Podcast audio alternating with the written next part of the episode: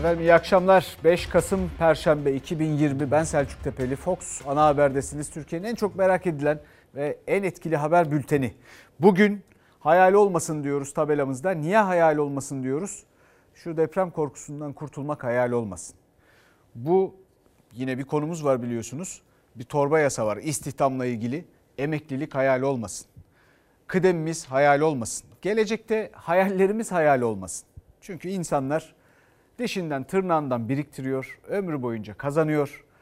Çoluğuna, çocuğuna, torununa bırakmak için belki kefen parası. Bunların hepsi hayal olabilir. O yüzden tabelamız budur.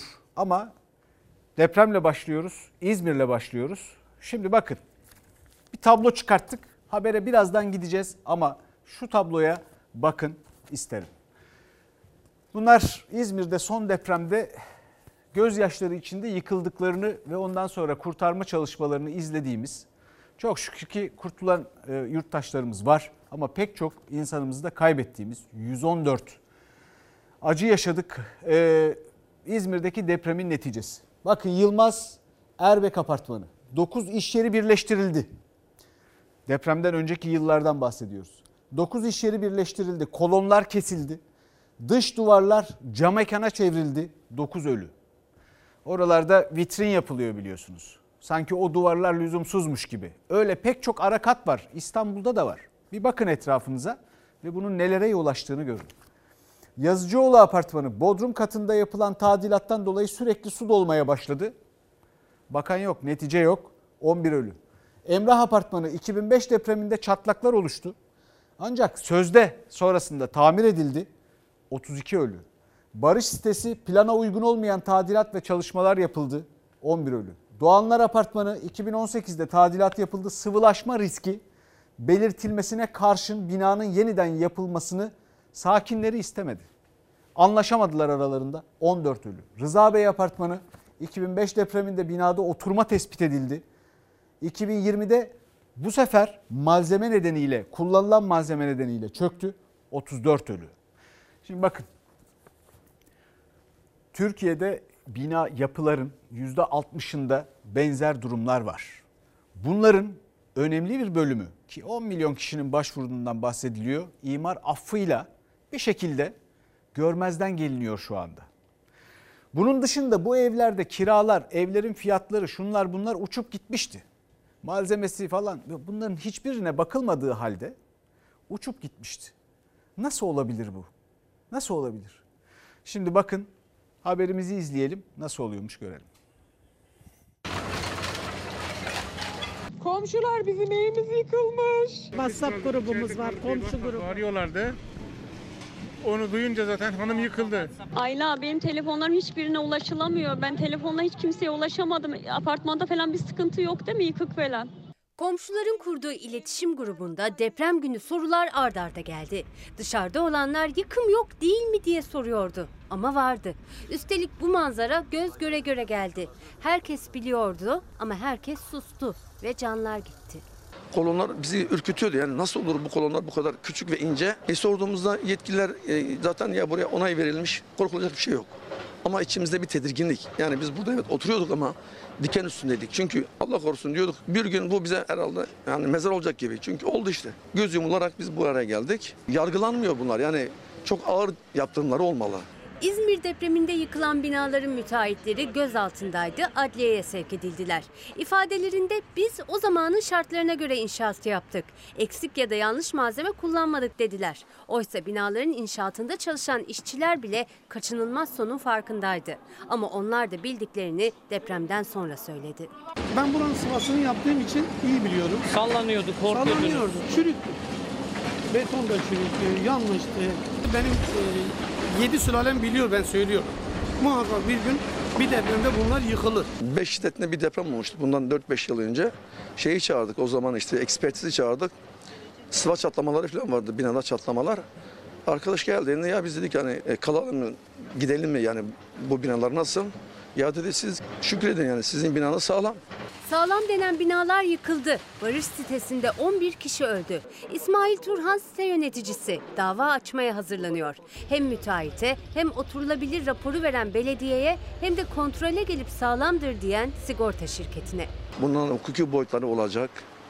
Buna izin veren e, fen işleri, belediye ile ilgili de yasal işlemler yapılacak. Zamanında inşaatlar yükselirken görüp uyaranlar da olmuştu müteahhitleri. Adam tuttu kolumdan. Adamları var dövecek beni tek başımayım. Dedim ki ya yaptığınız günah yarın beddua alacaksınız. Defol git dedi. Böyle kanun mu olurmuş dedim. Zorla benim evimi alacaksın dedim. Eşekten affedersin eşekten semer alır gibi alacağım. Kanun var benim elimde dedi. Kanun kanunsuzluğa çalıştı. Herkes gördü, herkes bildi ama ölümün önüne geçilmedi. Önce para hırsı, sonra ihmaller zinciri. 114 canı hayattan kopardı. Bak kaç sene oldu? 30 sene ya oldu ya olmadı. Ya Rabbi ben müneccim değilim. Bak sonunda ne oldu? Kaç tane kurban verdik? Para kazanılır ama giden geri gelmez. Türkiye deprem bölgesi. Aslında deprem öldürmüyor bizi. Maalesef binalar, e, burada gezen müteahhitler işte. Bu müteahhitleri da e, denetlemeyen bir mekanizma. İlk etapta deniliyor tamam hesap soruluyor ama deprem olduğunda görüyoruz ki Türkiye'nin farklı illerinde manzara aynı. Sadece müteahhitler de değil, onları denetleyenler, efendim af çıkaranlar, izin verenler, göz yumanlar ve bu bahsi pek de açmayan medya. Ben daima çuvaldızı kendime batırmayı tercih ederim. Bundan da hep karlı çıkarım. Ama bu bizim yaptığımızı Türk medyasının yaptığından pek emin değilim. Bakın günlerdir Amerikan seçimleriyle uğraşıp duruyoruz. Efendim Biden mıymış, Trump muymuş filan diye. Bunları da böyle söylüyorum çünkü bizim ahali öyle söylüyor. Ben de çok beğeniyorum doğrusu. Oysa bizim kapatmamamız gereken bir konu bu. Bu deprem meselesini çözmeden hayat bizim için devam edemez. Bu böyle biline. Fakat ne yapıyoruz şimdi bakın. İktidar muhalefeti suçluyor. Muhalefet iktidarı suçluyor. Siyaset sahnesinde havanda su dövme operası oynanıyor. Bu işin çok daha gerisi var. Erzincan depreminde 33 bin vatandaşımız rahmetli olmuştu. CHP'nin sözcüsünün dedesi de o zaman İçişleri Bakanı'ydı. 39'daki depremden Faik Öztürk'ün dedesi sorumluymuş. Bunun cevabını siyaset içinde vermeye kalksan kafaya huri takmak lazım. Deprem polemiğinde kurulan her cümle iktidarla muhalefet hattında tartışma konusu. Cumhurbaşkanı bu kez 81 yıl öncesine gitti. 1939'da yaşanan Erzincan depreminde CHP sözcüsünün dedesi İçişleri Bakanı'ydı dedi. Büyük Erzincan depreminin faturasını CHP'ye kesti. 1939 Atatürk'ün ölümünden bir yıl sonra çemkirdiği Atatürk, suçladığı Atatürk, saldırdığı Atatürk. Bir hafta önceki depremin sorumluluğunu alma 39'daki depremden Faik Öztürk'ün dedesi sorumluymuş. Bu kadarına da pes diyorum. Şöyle geriye bakıp neler olmuş bunu sorgulama hassasiyetini göstermeyen bu zihniyet şimdi kalkıyor bu yalan yanlış ifadeleri kullanabiliyor.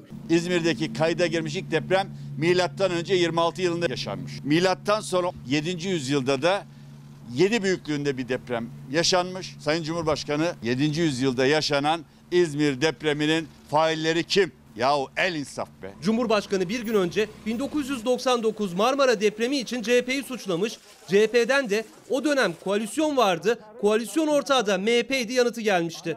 Cumhurbaşkanı bu kez 81 yıl öncesinde yaşanan Erzincan depremini gündeme getirdi. Yeni günde de Kılıçdaroğlu hedefindeydi. Grup konuşmasındaki sözleri CHP'den yalan açıklaması geldi. Depremin 5. günü hala enkaz tümüyle kaldırılmış değil. Bütün umutlarımız nasıl 65 saat sonra sevgili Elif, 91 saat sonra minik kızımız Ayda kurtarılıyorsa inşallah şu anda enkaz altında olanlar da kurtarılır. Ana muhalefetin başındaki zat 5. gün oraya yapmış olduğu turistik seyahatte 5 gün oldu diyor. Hala enkazlar kaldırılmadı. Bir ülkenin cumhurbaşkanına bu kadar göz göre göre yalan attırmayın. Enkaz kaldırmada bir yarışın içerisine girilmiş olsaydı 5.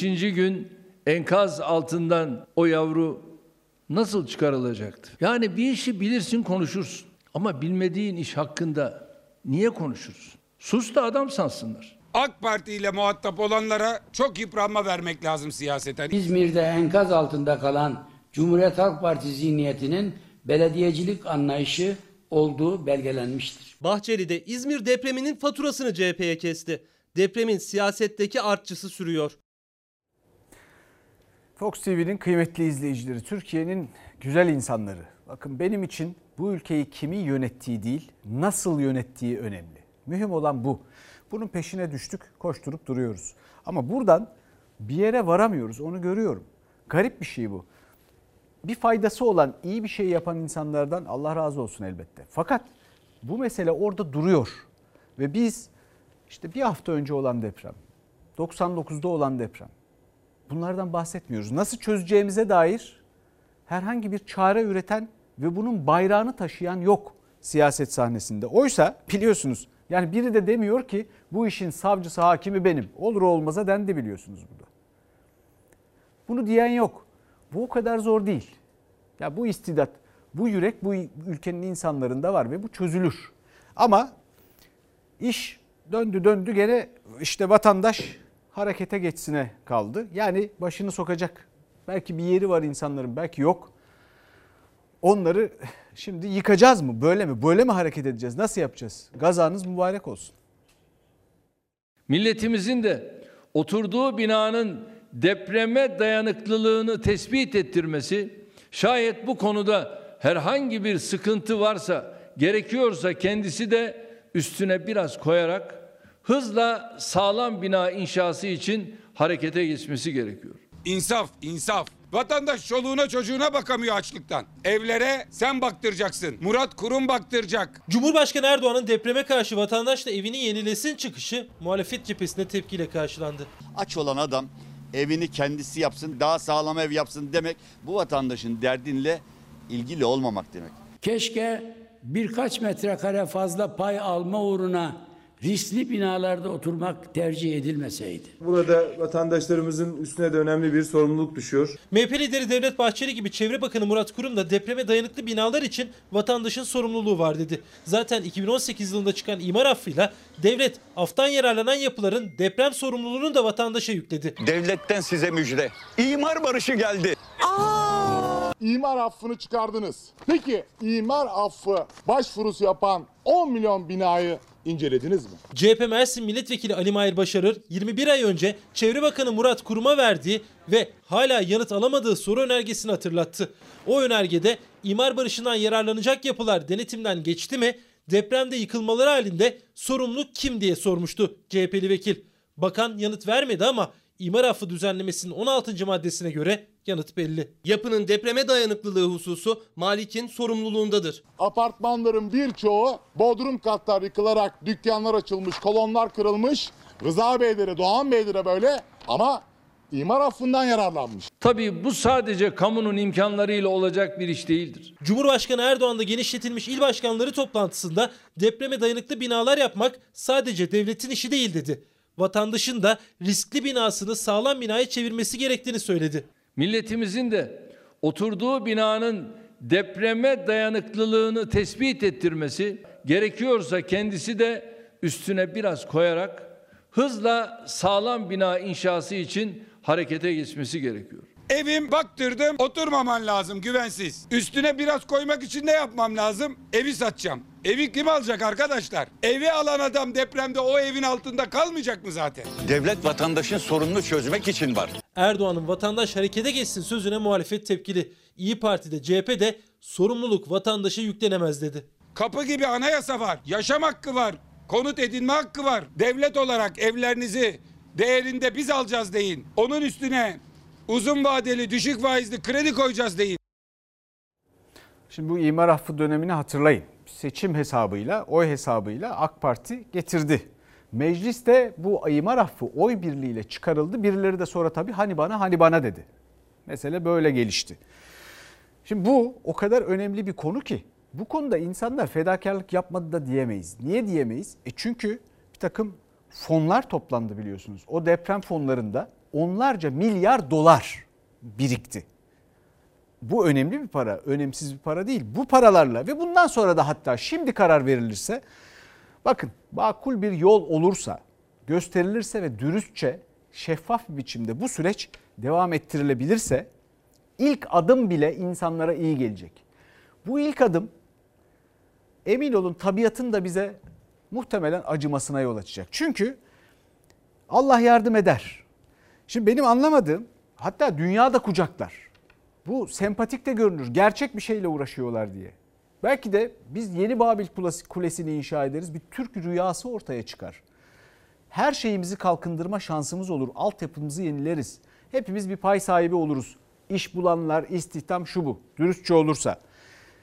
Şimdi bizde önemli sözler, deyimler, atasözleri var. Sen önünü kış tut, varsın yaz olsun denir. Hiç bunu yapmıyoruz. Bıraktık. Peygamberimizin sözü var. Tedbir sünnet yani. Oraya da bakmıyoruz. Şimdi bunu gerçekten ben anlamakta zorlanıyorum. Bunu anlamakta zorlanıyorum. Bu ilk adımı atmak o kadar zor mu? E bir yandan bu fonlara bakalım şimdi mesela. Onların nereye gittiğini hesap etmek bile zor. Nereye gittiğini hala tam olarak bulamıyoruz. Ha bir kısmı bakın bir kısmı deprem zedelere yardım olarak kullanılmış, onlara yeni evler yapılmış olabilir bir kısmı. Dediğim gibi Allah razı olsun.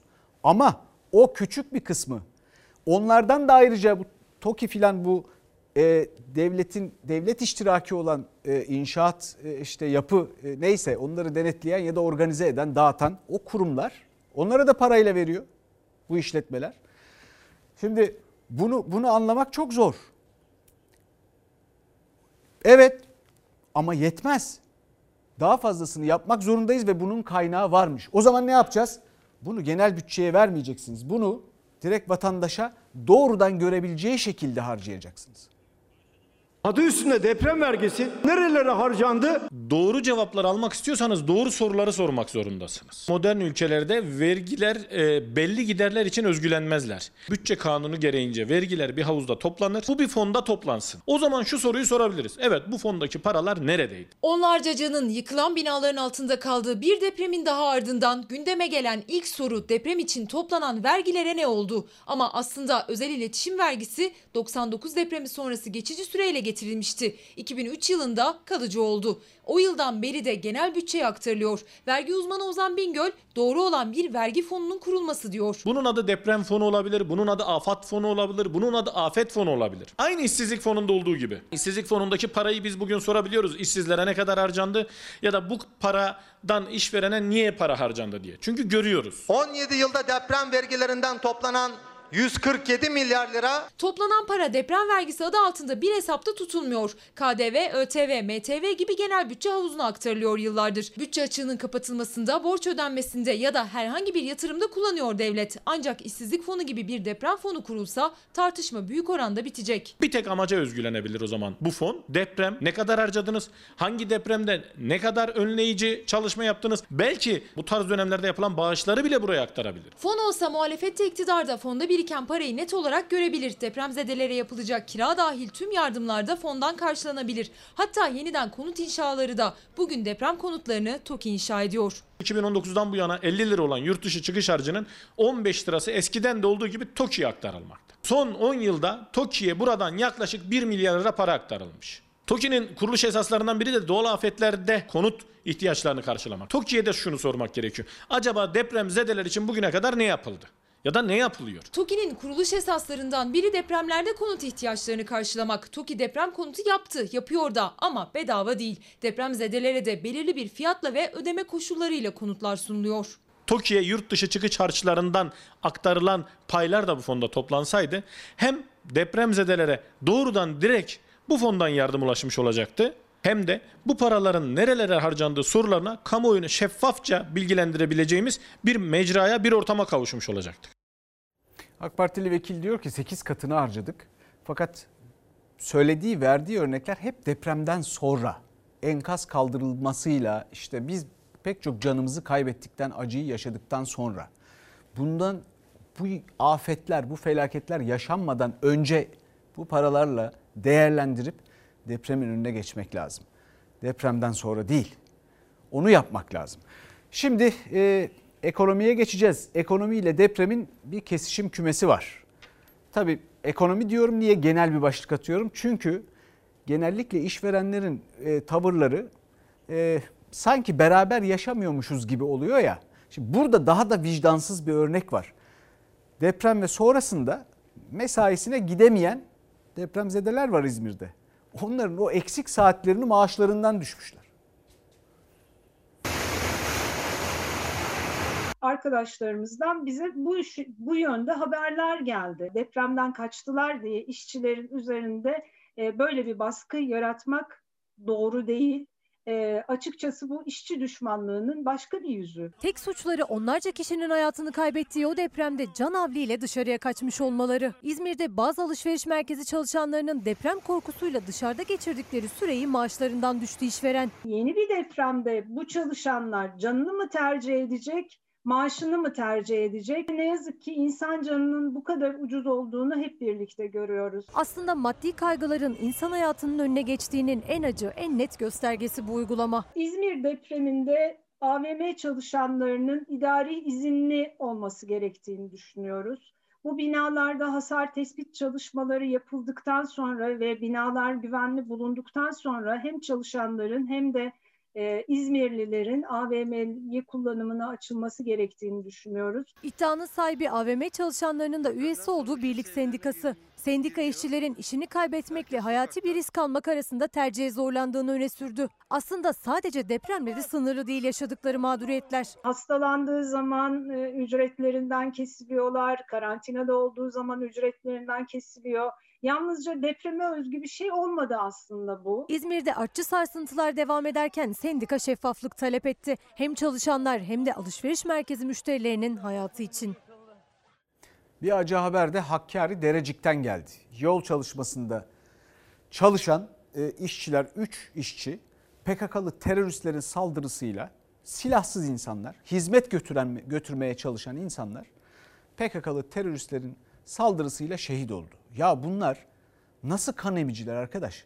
Bu memleket böyle canıyla uğraşırken yaptıkları şeye bak. Allah rahmet eylesin. Yakınlarına da e, sabır versin. Allah PKK'yı da kahretsin daha ne diyelim. Şimdi e, dünden beri buraya gündeme getirdiğimiz, burada konuştuğumuz bugün tepkilerin artarak devam ettiği bir istihdam paketi var mecliste. Henüz paketi getirenler bu istihdam düzenlemesini geçici işçilik, geçici çalışma, kıdem tazminatsız, emeklilik olmadan filan getirenler henüz geri adım atmış değil ama tepkiler yükseliyor.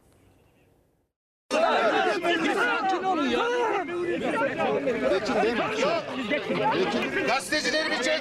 Belirli süreli iş sözleşmesi hiç öyle süslü laflara gerek yok. Geçici işçiliktir.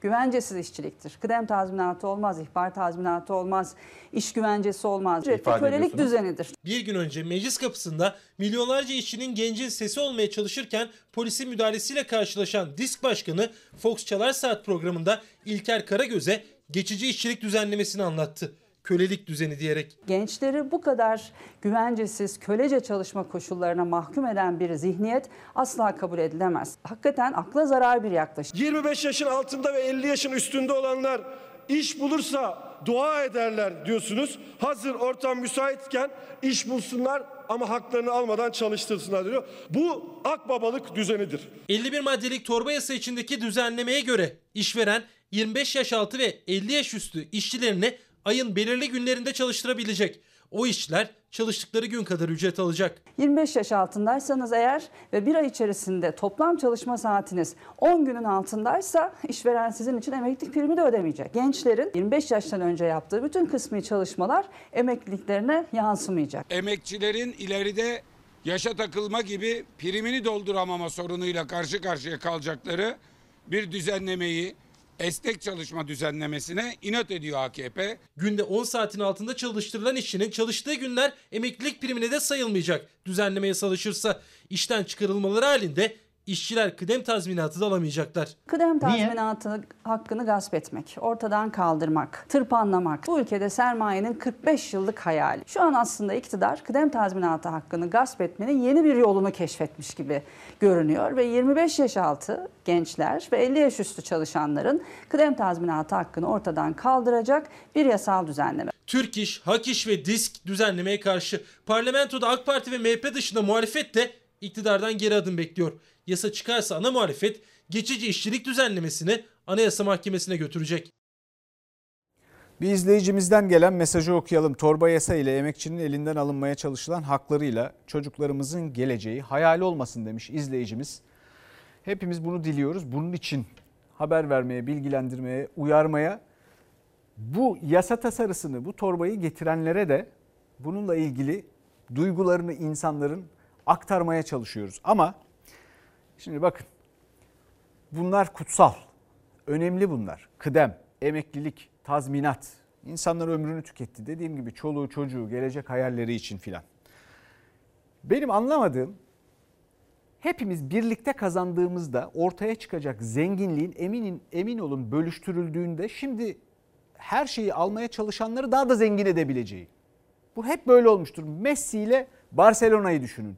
Messi tek başına top oynadığında veya Arjantin milli takımında mesela hiçbir şey olmadı. Hiçbir başarı kazanamadı. Barcelona iyi bir takımdı ve Messi dünyanın en iyi futbolcusu oldu. Fakat anlamadığım bizde hep sadece çok az bir kişide kalsın, sadece onlar alsın, diğerlerinde hiçbir şey olmasın gibi saçma sapan ve bindikleri dalı kesen bir tutum var. Bunu anlamak mümkün değil. Çünkü hep beraber daha zengin oluruz.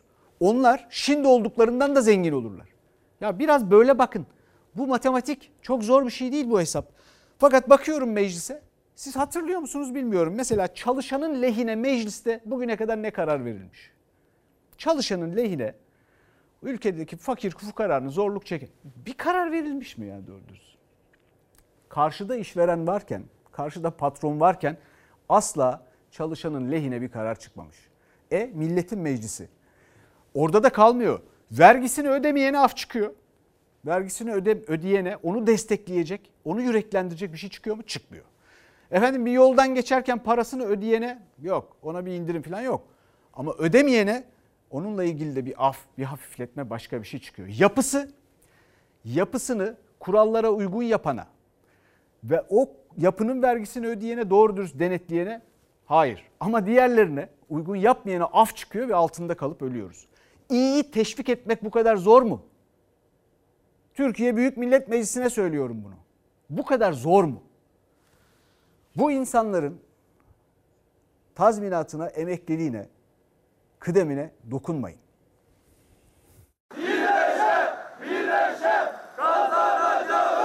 Asgari ücretle çalışan bir insan nasıl hayal kurar biliyor musunuz? Bir işin sermayesi tazminatıdır. O elinde gittiği zaman başka hiçbir umudu yok.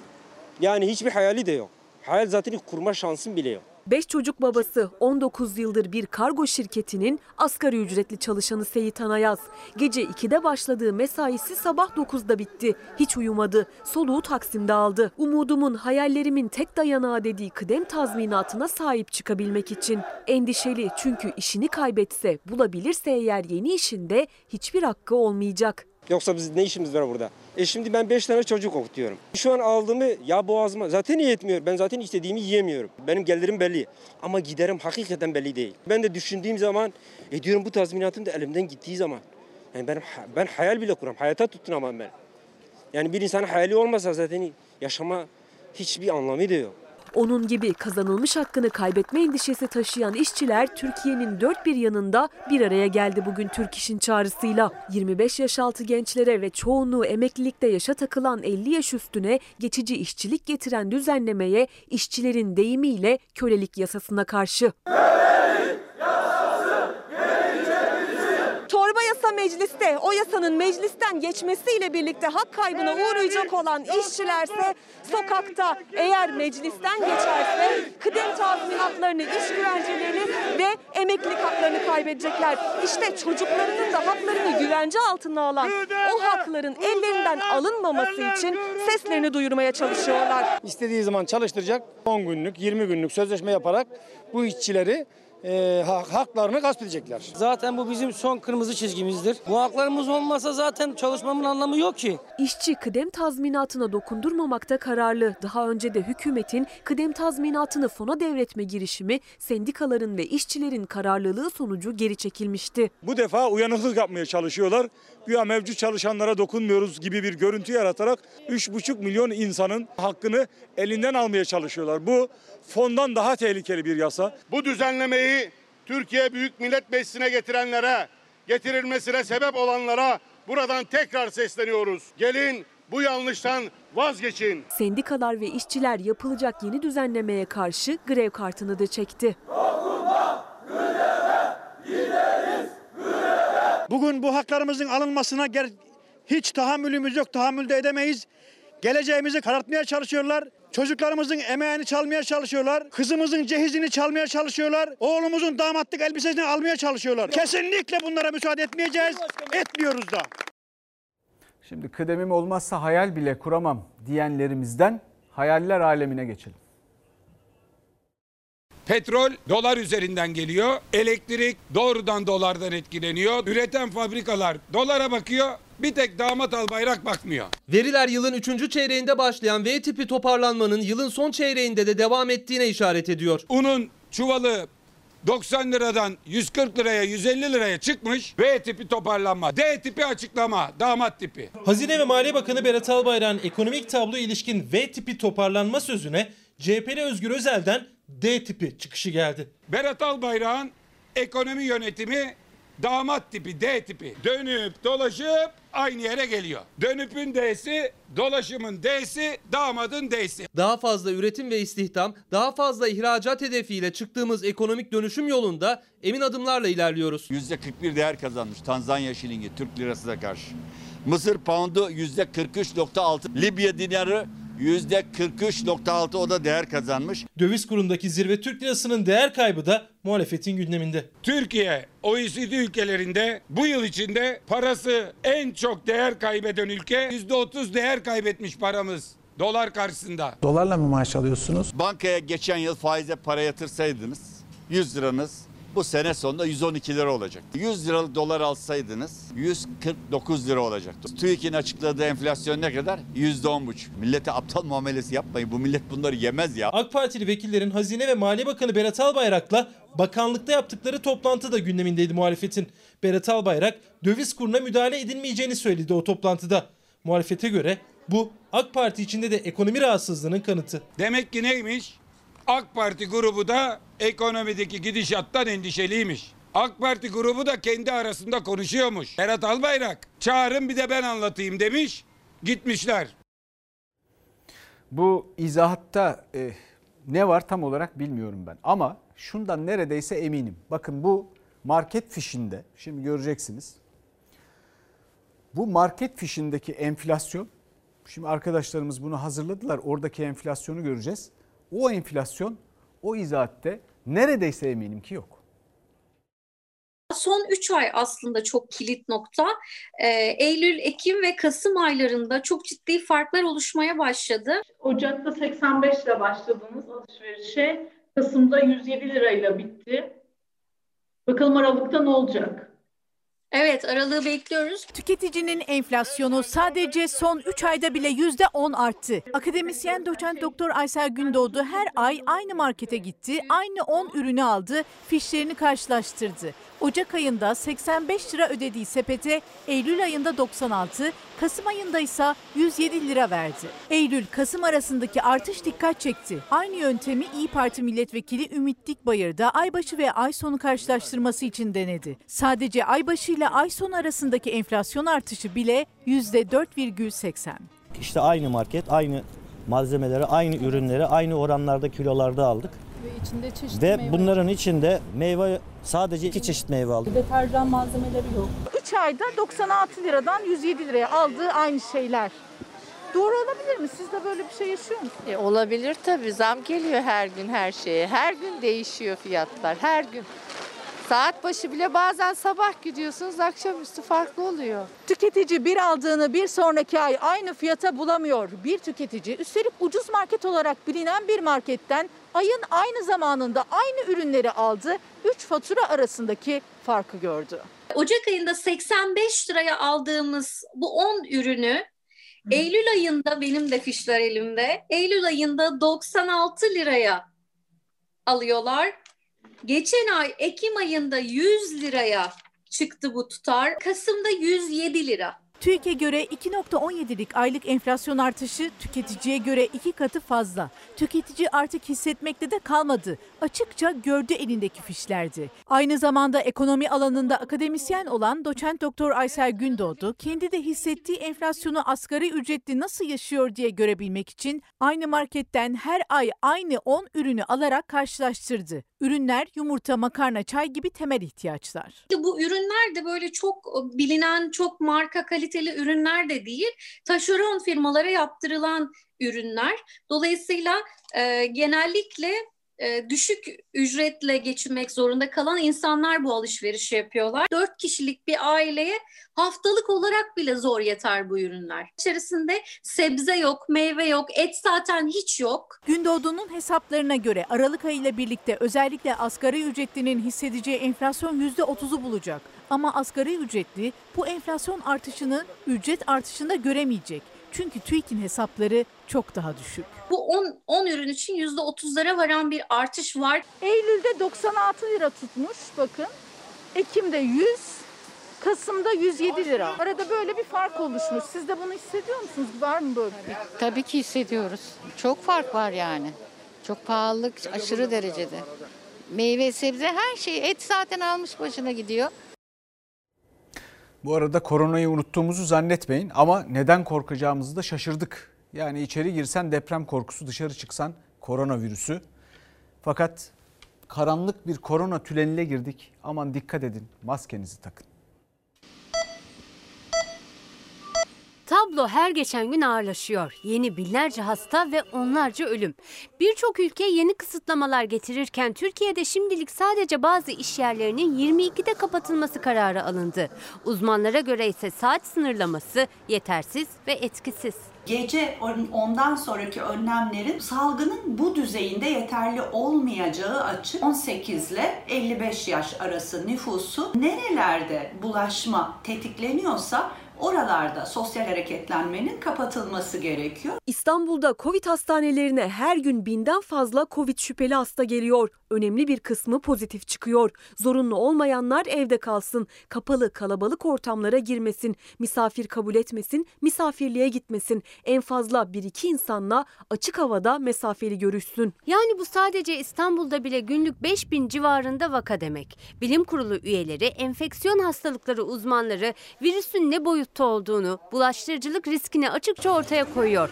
Sağlık Bakanlığı'nın açıkladığı Covid-19 tablosunda da iyiye gidişat yok. Bir ayda hayatını kaybedenlerin sayısı da 2000'in üzerinde. Salgının merkezi İstanbul'da yeni önlemler var. Sanayi çalışanları sabah 7'de mesaiye başlayacak. Kamuda 60 yaş üstü çalışanlar, hamile ve kronik hastalar, 10 yaş altında çocuğu olan anneler idari izni sayılacak. En sık mesai saatleri içinde hareketli ve kalabalık yaşayan genç nüfus salgını domine ediyor. Salgının ana bulaştırıcısı olarak rol oynuyor. Dolayısıyla 18 ile 55 yaş arasında aktif çalışan, okullara giden, kalabalıklaşan grupların kalabalıklaşmalarını önleyecek şekilde kapanmaların e, yapılması gerekiyor. Zorunlu olanlar diğer insanlarla bir arada olduğu sürece ağzını ve burnunu kapatan bir maske taksın ve maskesini asla çıkarmasın. Salgının kontrol altında tutulması teması azaltmadan mümkün değil. Sağlık Bakanı Fahrettin Koca da salgının teması azaltmadan mümkün olmayacağını söyledi. Ancak sokak kısıtlaması yok, iş yerleri açık, ekonomik koşullar zor. Avrupa'da ise sert tedbirler getirildi. İngiltere'den sonra Yunanistan da ülke genelinde 3 haftalık karantina ilan etti. Sadece kreşler ve ilkokullar açık olacak. Komşu ülke krizde ancak karantina nedeniyle çalışamayacak işçilerine 800 euro dağıtacak. Uzun süredir işsiz olan ve işsizlik ödeneği alamayanlara ise aylık 400 euro verilecek. Bir izleyicimiz demiş ki 60 bin atama istiyoruz öğretmenler olarak çünkü 140 bine yakın açık var. Yardım isteyen hayat çocuklarının SMA'lı çocuklarının hayatı için yardım isteyen aileler de Sağlık Bakanlığı'nın önündeydi. Biz 90 gün önce e, oğlumuzu kaybettik Yusuf Ayaz'ı. E, oğlum bu ilacı alamadığı için hayatını kaybetti. Ben 90 gündür oğlum kokusuna sesini hasretim. Sağlık Bakanlığı'nın ilacımızı getirsin artık. Başka evlatlığımız ölmesin. Evladını 3 ay önce kaybetmiş bir anne baba evlat acısını bir yana bırakıp Ankara'ya Sağlık Bakanlığı'nın önüne geldiler. SMA'lı çocukları olan başka aileler de aynı acıyı yaşamasın diye. Çaresiziz. Devletimizden destek bekliyoruz.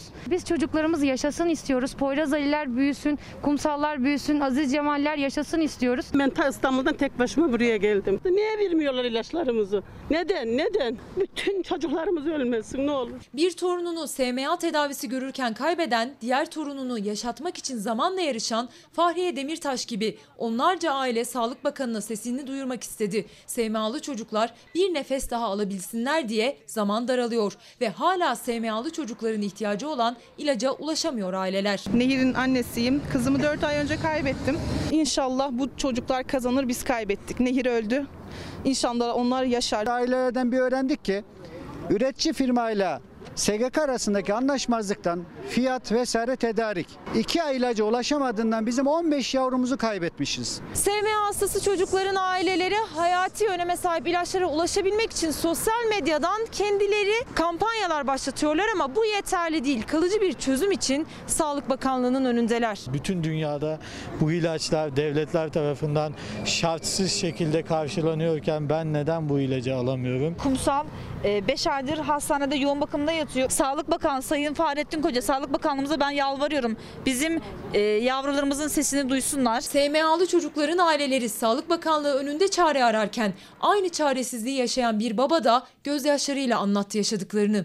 Eylül'ün durumu biraz kötü. Hiçbir hastane kabul etmiyor. Hiçbir özel hastane kabul etmiyor Eylül'ü. Yoğun bakım yerlerimiz dolu diyorlar. Elimizden hiçbir şey gelmiyor. Çocuk orada çırpınıyor tek başına. SMA hastaları için 3 tane e, ilacımız var. Alternatif tedavi olarak SMA hastaları için kullanılabilir hale getirileceğine dair söz aldık. Bakanlıktaki yetkililer bir ay içinde ilaçların Türkiye'ye getirileceğine ve tüm sorunların çözüleceğine dair ailelere söz verdi. Efendim dün akşam haber bittikten sonra bizim gerçekten bizim yaptığımız işten daha önemli e, bir iş yapıp bizim sağlıklı bir ortamda çalışmamızı sağlayan bizim bu binadaki çalışanlarla herkes gitmişti. Bana dediler ki ya bunlar neyi seçemiyor? Amerika'dan bahsediyorlar. Dedim ki ya durun bakalım anlatayım.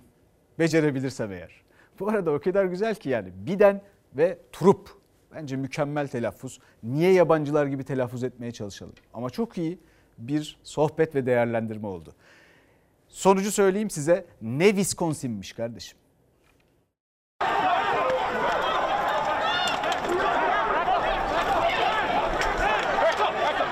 Başkanlık seçiminde ibre Biden'a döndü. Trump oy sayımının durdurulmasını istedi. Yandaşları sayım merkezini bastı. Sokaklarda tansiyon yükseldi.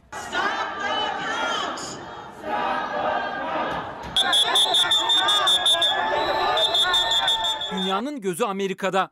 Başkan Trump'ın zafer konuşmasının ardından işler tersine döndü. Postayla gönderilen oylar sayıldıkça Joe Biden delege sayısını artırdı. Başkanlık için avantajlı duruma geçti. Koltuğu kaybetmek üzere olan Başkan Trump seçimi mahkemeye taşıdı. Dört eyalette posta oyları sayımının durdurulmasını, iki eyalette ise oyların yeniden sayılmasını istedi. Biden tüm oylar sayılmalı mesajı atınca Trump 14 saatlik suskunluğunu bozdu. Sosyal medyadan oy sayımını durdurun mesajı attı. İki başkan adayının çıkışları sokakları hareketlendirdi. Arizona'da bazıları silahlı olan Trump yanlıları seçim merkezi önünde toplandı. Oyların yeniden sayılmasını istedi. Başkanı destekleyenler Pensilvanya'da ise oy sayımının durdurulması için seçim merkezi bastı. Biden yanlıları da birçok eyalette sokakta tüm oyların sayılmasını istiyorlar.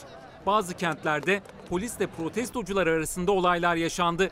Çok sayıda kişi gözaltına alındı.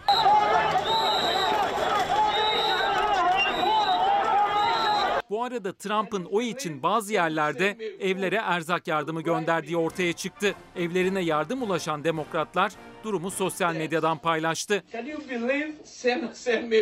Seçim belirsizliğine Başkan Trump'ın ruhani danışmanı da dahil oldu. Trump'ın seçimi kazanması için ayin düzenledi. Victory. Victory, victory. Benim annem de trup diyor ve emin olun marka olur. Yani seçimi kaybetse bile orada apayrı bir proje çıkabilir. Şimdi bir reklam arası. Dün bir kitaptan bahsetmiştik ve 3. sayfasında demiştik ki sırları ne kadar saklarsanız sak, e, açıklarsanız açıklayın gerçek esrarını korur. Biz sırlardan çok gerçeklerin peşinde olmak isteriz demiştim. O kitabın adı kalmıştı. Şimdi söyleyeyim. İmprimatur kitabın adı. O kitap da şöyle tuğla gibi kitap. Askere gittiğimde uzun sürecek diye. Kitabın imprimatur olan ismi o vakitler 17. yüzyılda geçiyor. Viyana'yı 2. Viyana'dan kuşatmasında kuşatmışız biz. Avrupalılar korkuyorlar. Bir de veba salgını var. Roma'da bir handa sıkışıp kalmış karantinada bir grup insan. Onların arasındaki diyaloglar falan filan. İmprimatur e, kilisenin yayınlanmasında sakınca yoktur dediği bir mühür izin. Sonra askere gittim. Elbette uygun olup olmadığını içeride okumak açısından bakılması gerekti. Bölük komutanı da ikinci sayfasına okunmasında sakınca yoktur diye bir mühür ve imza. Dolayısıyla iki mühürle o kitabı okumuştum. Şimdi bizim gerçeğimiz ne? Sırları bir kenara bırakalım. Bakın asgari ücret gibi Türkiye için asgari mutluluk, asgari güven, asgari huzur planlanırsa hepimiz birlikte omuz omuza emin olun çok daha iyi bir ülke olacak burası. İyi akşamlar. Bizden sonra Mucize Doktor var. Yeni bölümüyle yarın görüşmek üzere.